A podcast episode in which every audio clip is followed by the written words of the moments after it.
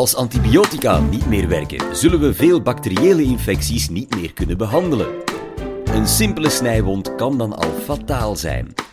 Doemscenario's, denk jij nu misschien, maar infectiologen zoals professor Janneke Cox zien dat wel eens heel snel werkelijkheid worden. Waarom werken antibiotica niet meer? Dit is de Universiteit van Vlaanderen.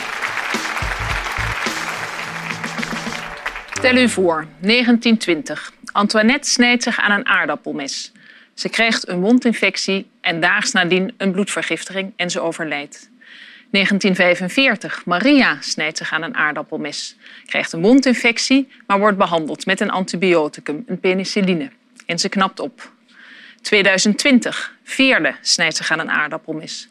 Krijgt een wondinfectie, wordt behandeld met een antibioticum, maar ze wordt zieker.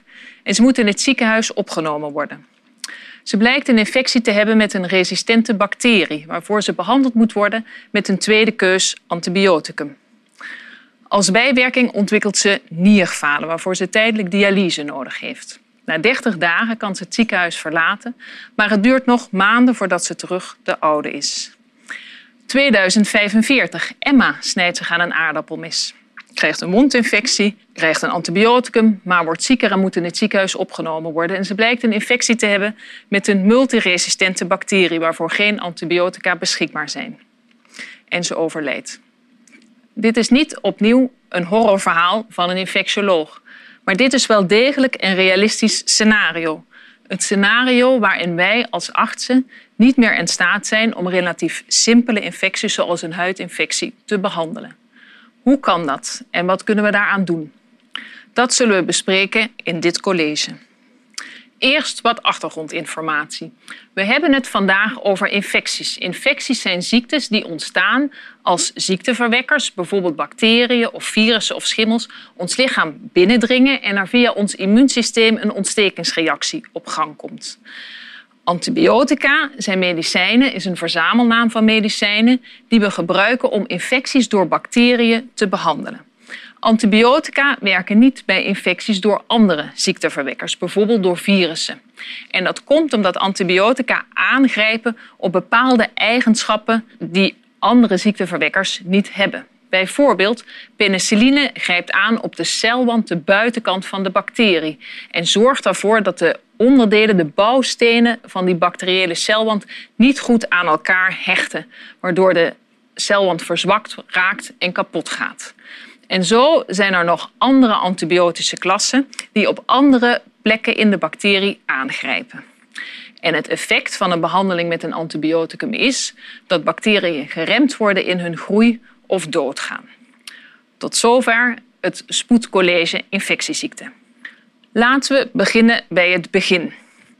Bacteriën bestaan al vele miljoenen jaren, lang voordat de mensheid in zijn huidige verschijningsvorm bestond. Je kunt dan ook stellen dat bacteriën en mensen al sinds het ontstaan van de mensheid samenleven. En dan bedoel ik ook letterlijk samen. Bacteriën zijn overal, op de vloer, op de tafel en ook op en in onszelf. Bijvoorbeeld op mijn huid zitten 1 biljoen, dat is een 1 met 12 nullen bacteriën. En ruim anderhalve kilo van mijn, maar ook van uw lichaamsgewicht, bestaat uit bacteriën die voornamelijk in onze darm zitten. We noemen dat onze bacteriële flora. En die bacteriën worden ook onderling uitgewisseld, bijvoorbeeld door elkaar aan te raken of door, het, door de consumptie van voedsel worden bacteriën uitgewisseld. En met de meeste van die bacteriën leven we vredig samen. Sterker nog, die hebben we zelfs nodig. Bijvoorbeeld voor de vertering van onze voeding of voor de aanmaak van bepaalde vitamines. Slechts een heel klein aantal van die bacteriën kan ons ziek maken. Maar daarvoor hebben wij onze afweermechanismen. Onze eerste verdedigingslinie is onze buitenkant, onze huid- en slijmvliezen. Daar waar wij in contact komen met bacteriën die vormen een mechanische barrière waar de bacteriën niet doorheen kunnen dringen. Maar als wij ons snijden, bijvoorbeeld aan een aardappelmes, dan is die barrière doorbroken en kunnen bacteriën hebben toegang tot dieper gelegen huidlagen en onze bloedbaan. Maar ook daarvoor is een systeem, de tweede verdedigingslinie, ons immuunsysteem. En het voert nu te ver om hier uitgebreid over ons immuunsysteem te spreken. Dat is een college op zichzelf. Maar simpel gezegd zijn dat onze witte bloedcellen die ervoor zorgen dat een infectie ingedijkt en opgeruimd wordt. En als die afweermechanismen falen, dan spelen antibiotica een belangrijke rol. En u moet zich realiseren dat in onze huidige geneeskunde er talloze behandelingen zijn waarbij die afweermechanismen onderbroken worden, ondermijnd worden. Bijvoorbeeld, de chirurg maakt een snede in de buik om de galblaas te verwijderen. Dan is de eerste barrière, de huid, onderbroken. Of we behandelen iemand met kanker met chemotherapie. En een bijwerking daarvan is dat tijdelijk de witte bloedcellen, onze tweede verdedigingslinie, verdwijnen. Je kunt dan ook stellen dat antibiotica cruciaal zijn voor onze hedendaagse moderne geneeskunde. En je kunt je dan ook nauwelijks voorstellen dat 100 jaar geleden nog niemand van antibiotica had gehoord. Het was in 1928 dat Alexander Fleming min of meer per toeval het eerste antibioticum ontdekte, penicilline. Hij kwam terug van een vakantie en het bleek dat op een kweekschaaltje dat gebruikt wordt voor de groei van bacteriën, dat er vervuiling was opgetreden door een schimmel. En rondom die schimmel was er geen groei van bacteriën. En hij onderzocht dat fenomeen verder en het bleek dat die schimmel, die niet toevallig penicillium heet, een moleculen uitscheidde die de bacteriën remde in hun groei. En dat was de ontdekking van het eerste antibioticum. En sindsdien zijn er nog talloze andere antibiotica ontdekt.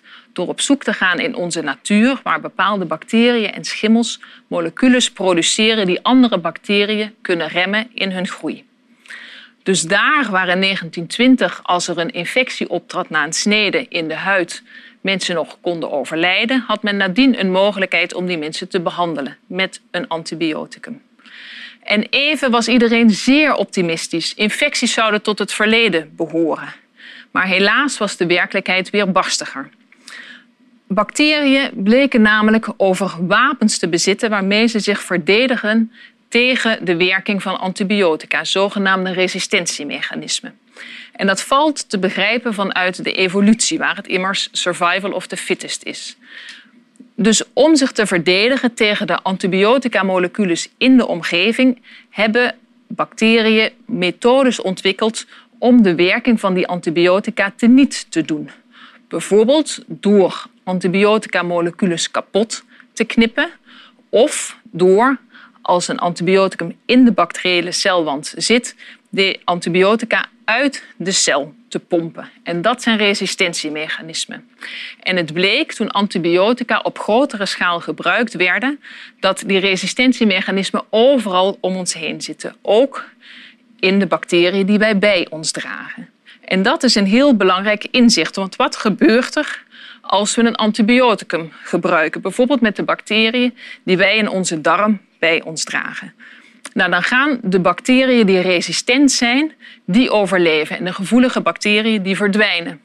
Vervolgens kunnen die resistente bacteriën zich vermenigvuldigen en zijn zelfs in staat om hun resistentie over te geven aan de buurbacterie.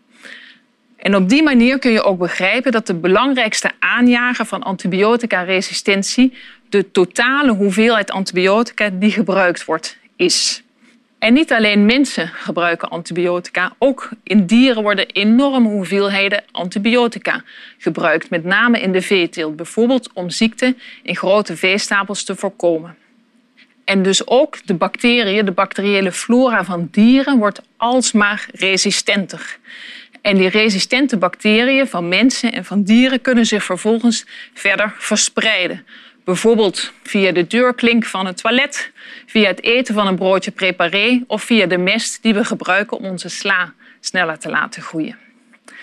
Dus bacteriën worden alsmaar resistenter en die resistentie verspreidt zich. Wat betekent dat nou in de dagelijkse praktijk? Als er iemand opgenomen wordt met een infectie met een resistente bacterie, dan kun je die infectie niet meer met dat antibioticum behandelen. Nou ja, is dat erg, want dan neem je toch een ander antibioticum. Soms kan dat. Er zijn in België 48 verschillende antibiotica op de markt. Dus er is wel wat te kiezen. Maar heel veel van die antibiotica hebben een heel gelijkaardige werking. Die zijn min of meer broertjes en zusjes van elkaar. En als een bacterie een resistentiemechanisme ontwikkeld heeft, is dat over het algemeen tegen de hele familie van antibiotica. En dan is de keuze dus veel beperkter. En moeten we vaak teruggrijpen naar tweede keus antibiotica, die vaak meer en ernstigere bijwerkingen hebben. Bijvoorbeeld zoals in het voorbeeld van Veerle, waarin ze ernstig nierfalen ontwikkelde als bijwerking van het antibioticum. Nu denkt u wellicht, ja dat is een zeldzaamheid, die antibiotica-resistentie. Maar dat is niet zo. Als we bijvoorbeeld kijken in 2018 hier in België bij E. coli-bacteriën. Het zijn belangrijke ziekteverwekkers bij mensen. En we kijken naar die E. coli-bacterie als die in de bloedbaan gevonden werd in 2018 hier in België. Dan bleek dat 9% van die E. coli-bacteriën resistent was tegen het eerste keus antibioticum. Dat is ongeveer 1 op de 10 dus. En als je dat vergeleek met 10 jaar daarvoor, was het nog 4 procent. Dus ruim een verdubbeling in 10 jaar. En als die trend zich zo zou voortzetten, dan zou dat betekenen dat over 30 jaar meer dan de helft van die E. coli-bacteriën niet meer met het eerste keuze antibioticum behandeld zou kunnen worden. Kortom, resistentie is al een probleem en neemt ook toe in de tijd. Dat is dus al met al een heel somber plaatje. Want enerzijds zijn antibiotica heel belangrijke geneesmiddelen, maar anderzijds kunnen we infecties steeds moeilijker behandelen omdat bacteriën steeds resistenter worden. Wat kunnen we daaraan doen? Nou, er wordt gezocht naar nieuwe antibiotica, maar die zullen onherroepelijk hetzelfde probleem hebben als onze huidige antibiotica. Namelijk dat als we ze meer gebruiken, dat er meer resistentie optreedt.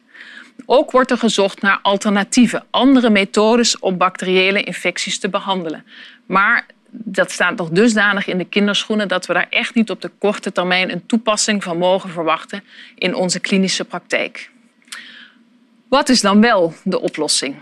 Nou, dat is eigenlijk redelijk voor de hand liggend, namelijk minder antibiotica gebruiken.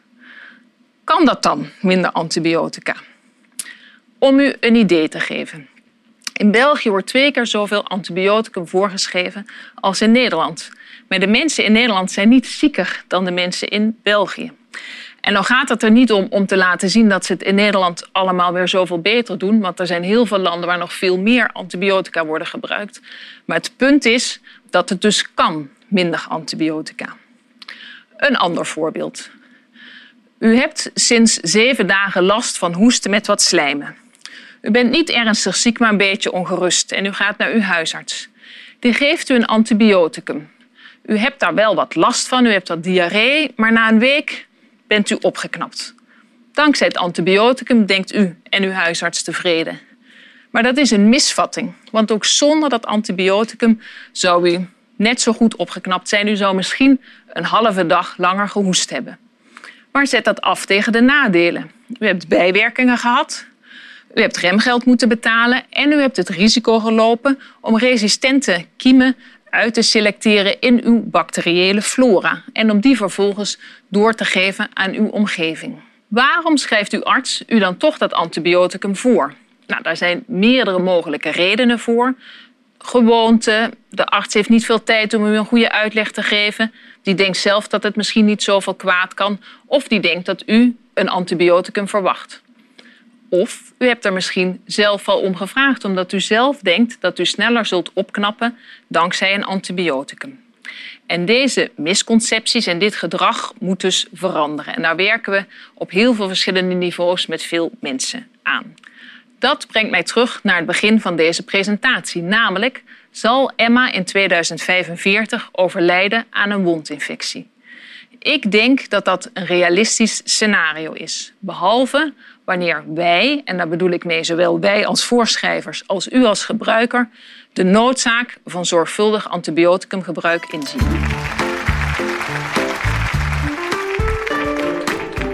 Veel dank, professor Cox. Ik zal vanaf nu nooit meer zonder nadenken naar antibiotica grijpen.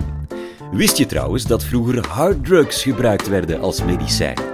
Ontdek dat verhaal in podcast nummer 129.